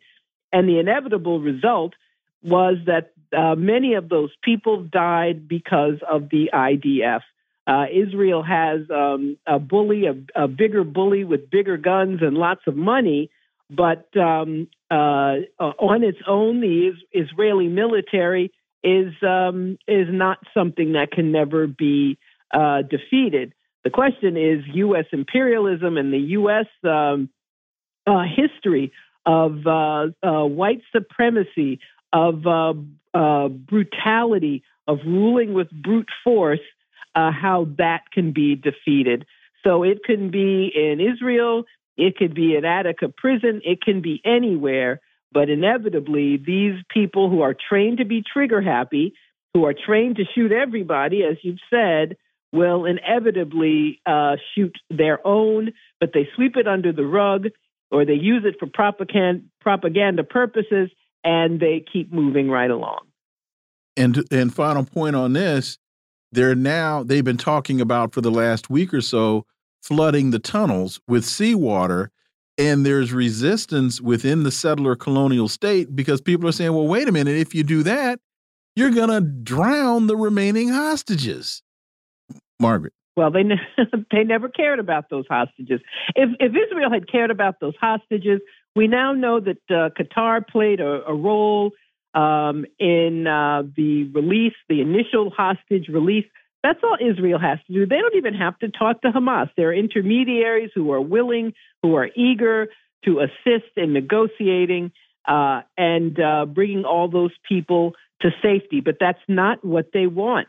They're a bargaining chip, they're a propaganda tool, and the last thing they want is for those people to be free and unharmed. Ajamu uh, Barak has reported back from the U.S. Peace Council's peace delegation to the People's Republic of China. They had a four-person delegation from the U.S. Peace Council. What uh, what was that all about, Margaret? What do we need to know about that meeting? Well, uh, Ajamu breaks down um, the uh, principles by which China uh, conducts its foreign policy, which is uh, quite different from the U.S. Uh, the idea of uh, full spectrum dominance, which is uh, what we've just been talking about. This idea of might making right, uh, that China um, wants to um, wants to have a, a, peace in the world, uh, wants to have real diplomacy. wants a, um, I'm quoting here, a, a global governance system under the principles of fairness and justice. Of, and justice. Uh, you know, sometimes China calls it the win-win. You stay out of our way, we'll stay out of your way, and let's figure out how to get along. But that's the last thing that the U.S. wants. But it's actually been uh, uh, China that has been the mover and shaker in uh, diplomacy in the world, brokering a, a historic agreement between Saudi Arabia and Iran, two countries that had long been uh, uh, rivals. But this also explains why the U.S. Um, opposes China. First of all, opposes its economic dominance, and and they do not. The U.S. doesn't want peace. Peace is not how the U.S. Uh, operates. But this is what uh, China's government is interested in, uh, in uh, finding ways to uh, to work together, uh, finding ways to um, help people uh, to have people centered, uh, that's the term they use, uh, policies. But that's not something that the U.S. wants. Uh, and it's very important for us to hear uh, about China. Uh, aside from the, you know, these war propaganda screeds about, you know, everything from TikTok to weather balloons being an evil Chinese plot. So this dispatch from Ajamu Barak is very important. And just quickly, and folks have heard me mention this uh, more than a few times on the show, but 5G technology is a perfect example of that. When China was working on developing 5G technology, they reached out to the United States. They wanted a collaborative effort on developing this technology together. And the United States told China no. They said, go pound sand. We can handle this ourselves. And China went ahead and China did it. And then as China started rolling the technology out throughout Europe and throughout Asia, now the United States wants to cry foul because the U.S. has been left stand left uh, holding the bag, standing in the lurch uh, because we are nowhere near. Even though it says on your phone you may have 5G, that ain't nothing near. And now China's on like six or seven, and the United States is lost in the sauce. Margaret. Yes, they. Um, it's Huawei. That's their mm -hmm. uh, their company. They the U.S. the Trump administration. They they tried to kidnap the uh, uh, daughter of Huawei's founder, the COO of the company, had her held, and the stupid Canadians went along with it and ended up with their own people being snatched. But the U.S. basically is preventing Huawei from coming into the U.S. And from everything I've read, we would all ditch our Androids and iPhones in order to get our hands on a Huawei. You are correct. they know that, and they uh, and so they have um, uh, prevented China uh, from uh, uh, branching out uh, that part of their economic program into the rest of the world. But the United States has hurt chip development, trying to hurt the Chinese, has hurt U.S. chip makers, hurt European chip makers. But um, I guess it's like shooting people, right? It's like they don't care if uh, they hurt an ally. They don't care if they hurt a U.S. corporation as long as they are uh, uh, damaging China, a country they have declared to be an, an enemy. Oh, Margaret, it seems to me this is a, a big part of this is the U.S. just runs around saying socialism is a disaster, socialism doesn't work, and there's great irony here because this is a socialist country, number one, that's passing them. And number two, with the Huawei thing, the U.S. is saying socialism doesn't work. We have free market. Oh, wait, we got to close the market to a better and less expensive product. We can't let the market decide there because the market will decide, well, I can get a Huawei phone for half of what I pay for my iPhone. I think I'll buy. That's the whole great irony that we're looking at, Margaret. Which the market in the Middle East and the market in Asia and the market in Europe has already determined. Margaret. Of course they have, of course, but they, you know, we're we're talking about people who don't believe half of what they talk about. They don't believe in a free market. They believe in domination, and uh, that uh, that adherence to the principle of domination is something that is very harmful to the entire world and to this country as well. Margaret Kimberley, as always, thank you so much for your time. Greatly, greatly appreciate that analysis, and we look forward to having you back. Thank you so much. Folks, you are listening to the Critical Hour on Radio Sputnik. I'm Wilmer Leon. I'm joined here by my co host, Garland Nixon. There's more on the other side. Stay tuned.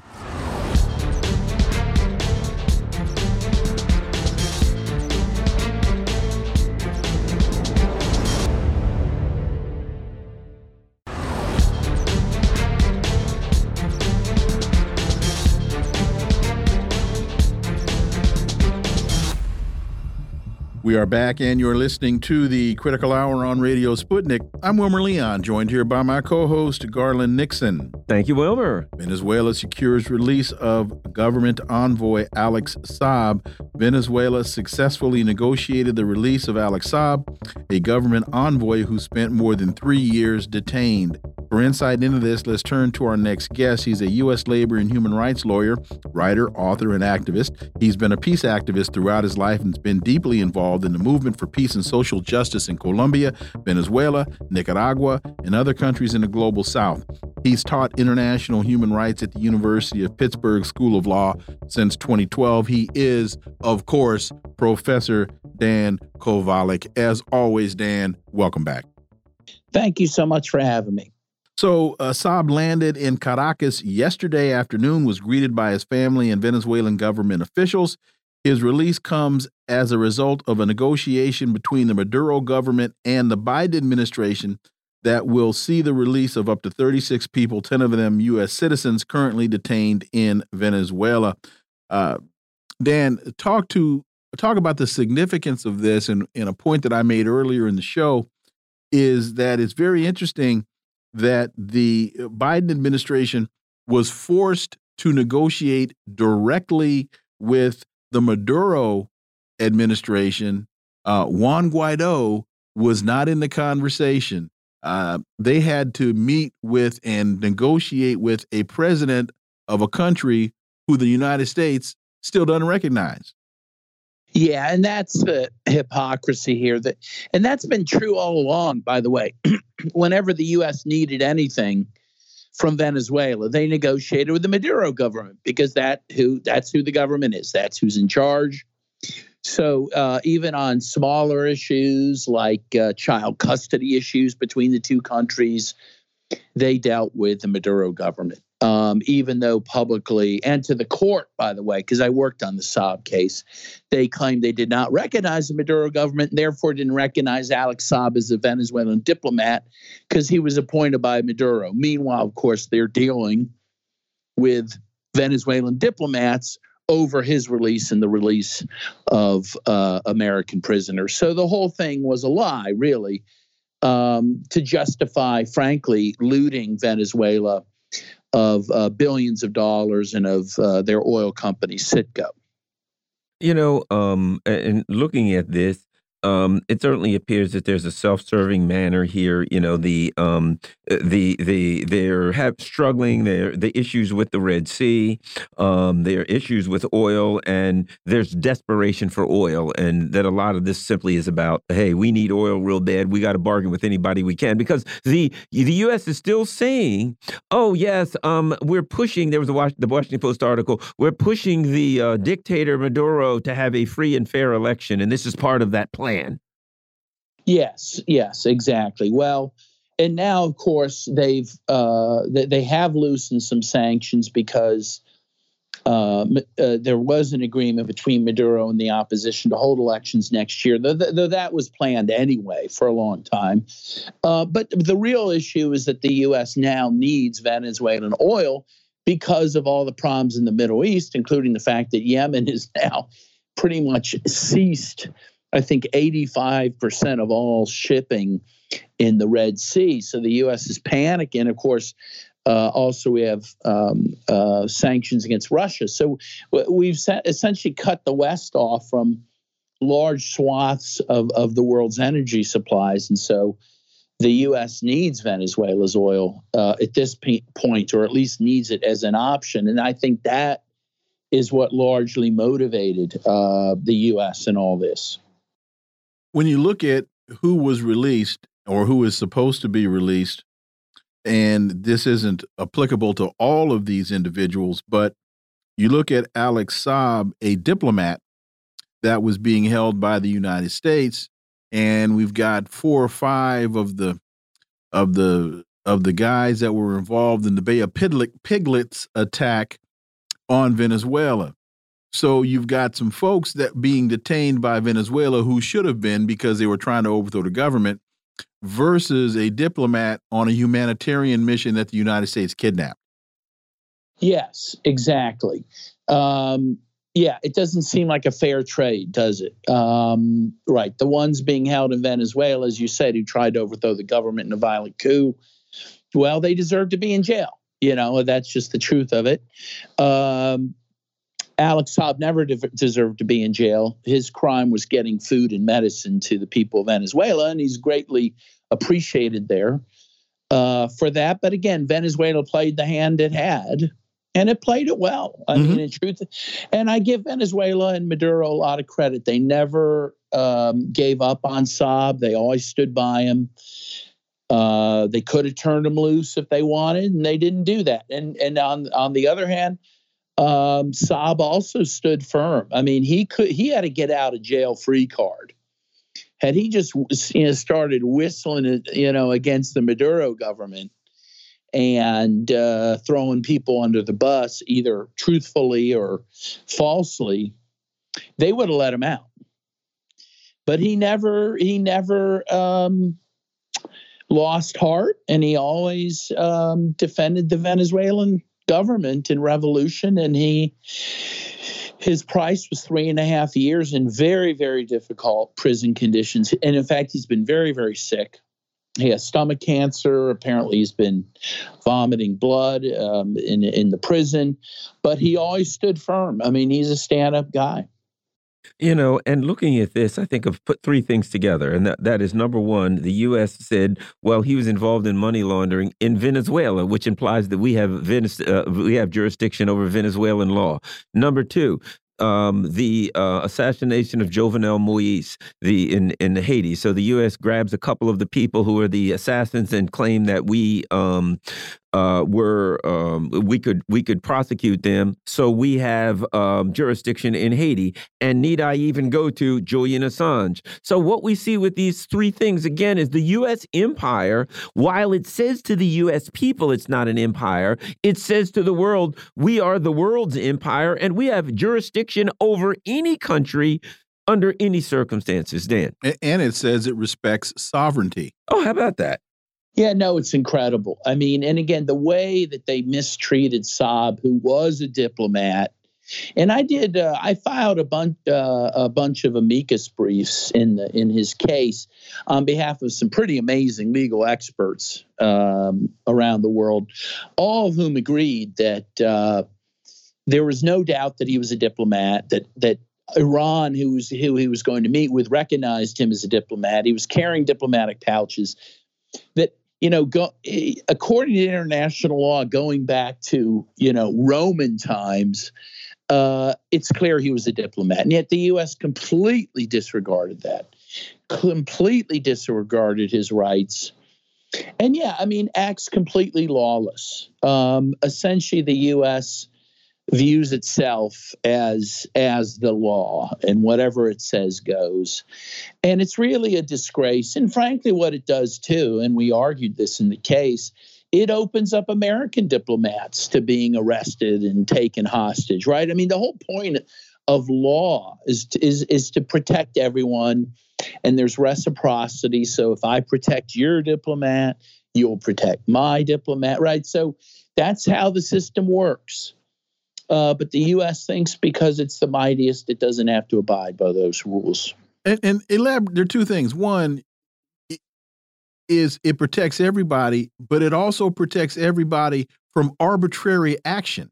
It establishes a method of process and procedure that people can follow, understanding that if I follow this procedure, that I'll be able to engage fairly and that there won't be arbitrary action taken against me.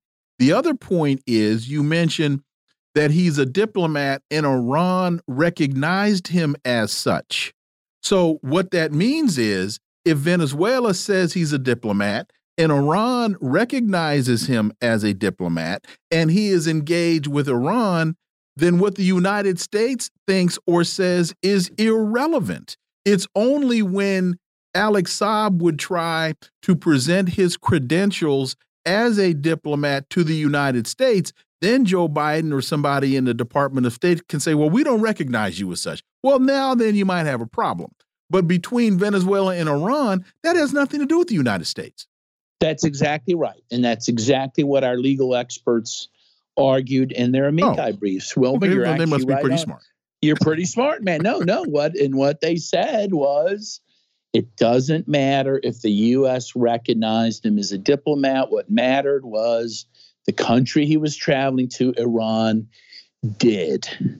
And that's all that mattered. And the U.S. cannot somehow override that, right? And again, this is international law going back centuries, right? When some guy from Greece in his sandals runs over to Rome and says, I'm here on behalf of uh, the Greeks and we want to, whatever, exchange prisoners or we want to sue for peace. And the idea was you don't shoot the messenger, right? That guy should be protected so that you can have diplomatic discussions between countries. And it doesn't matter whether uh, the third country, Turkey, recognizes that guy as a diplomat if Rome recognizes him. So uh, that is that is the law, and the U.S. totally disregarded that. A U.S. intelligence assessment released on Monday accuses China, Russia, Iran, and Cuba of attempting to meddle in the 2022 U.S. congressional elections. Uh, elections. Cuba labels U.S. allegations complete fallacy. Dan, we got about two minutes. Yeah, well, I mean, the, the, sad part is this, and I just saw this yesterday. I mean, uh, now that the U.S. is playing uh, nice with Venezuela, uh, some U.S. officials have made it clear they're going to really focus now on trying to undermine and destroy the Cuban Revolution, right? Which Cuba's in terrible straits right now because of the economic sanctions against them. This is the worst economic situation they've uh, faced since the so called special period after the collapse of the Soviet Union. And I think the U.S. is going to become even more aggressive against them. And I think we need to be vigilant about that. And so, what that seems to really do is only increase tensions between the countries that are supporting Cuba, such as Russia and China. And it also, I think, uh, draws more attention. People really need to pay attention to Haiti. We got about a minute and a half.